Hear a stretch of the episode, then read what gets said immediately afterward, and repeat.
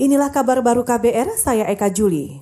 Saudara, pemerintah menjelaskan mengapa memilih kebijakan pembatasan sosial berskala besar atau PSBB ketimbang karantina wilayah atau lockdown untuk menangani pasien COVID-19. Menurut Wakil Presiden Ma'ruf Amin, kebijakan pembatasan sosial berskala besar merupakan kombinasi yang tepat karena masih memungkinkan terjadinya pergerakan untuk pengembangan ekonomi. Dan karena itu, tapi karantina itu juga dimungkinkan, tapi sifatnya karantina wilayah terbatas berbasis kelurahan saja. Jadi kelurahan, jadi diperkecil sehingga tidak sampai kepada tingkat kabupaten dan kota sehingga nanti akan menyulitkan situasi dalam rangka kita menjaga stabilitas ini, sama stabilitas ekonomi kita sampai tidak bergerak. Wakil Presiden Ma'ruf Amin menambahkan, kebijakan pembatasan sosial berskala besar mempertimbangkan kombinasi pembatasan akses jalan dan semua aspek lainnya. Ma'ruf mengatakan, pemerintah tidak ingin hal yang terjadi di India juga dialami warga Indonesia. Di sana terjadi penumpukan massa akibat ketidaksiapan pemerintah menerapkan karantina wilayah atau lockdown.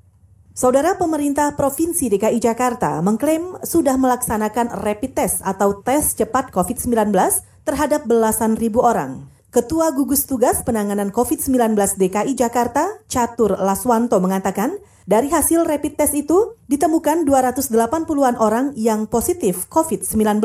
Dapat kami sampaikan bahwa Pemprov DKI Jakarta sudah melaksanakan rapid test di seluruh lima wilayah kota dan satu kabupaten administrasi Kepulauan Seribu. Adapun jumlah tes yang sudah dilakukan sampai hari ini mencapai 17.534 orang dan dari jumlah itu 282 dinyatakan positif. Ketua Gugus Tugas Penanganan COVID-19 DKI Jakarta, Catur Laswanto menambahkan, 280-an orang yang dinyatakan positif COVID-19 itu selanjutnya harus menjalani pemeriksaan swab menggunakan tes polimerase chain reaction atau PCR.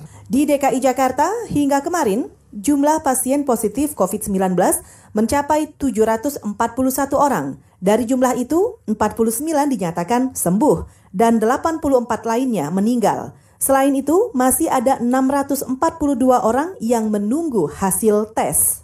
Kita ke informasi selanjutnya. PT Kereta Api Indonesia mulai hari ini membatalkan 44 jadwal kereta dari Jakarta.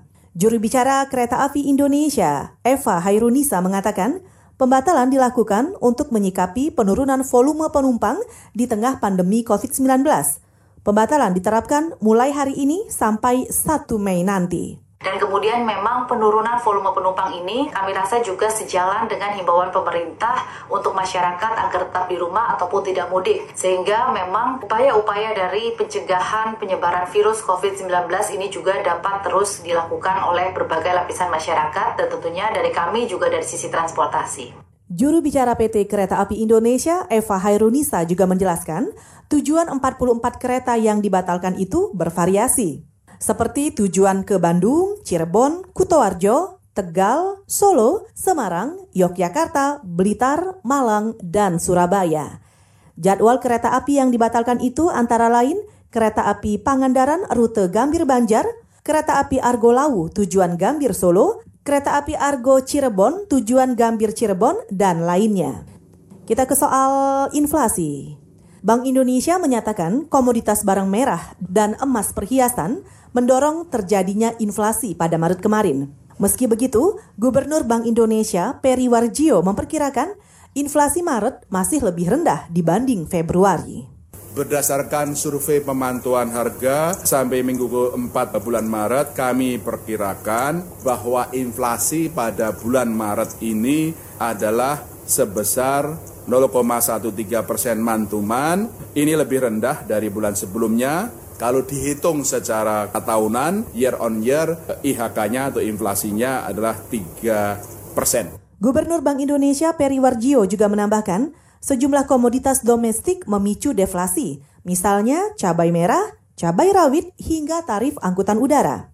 Ferry juga mengatakan, Menko Perekonomian sudah berkoordinasi dengan Presiden Joko Widodo untuk menjaga pasokan bahan pokok di berbagai daerah. Itu agar harga bahan pokok yang berpengaruh pada inflasi tetap terjangkau masyarakat umum. Saudara, demikian kabar baru. Saya Eka Juli.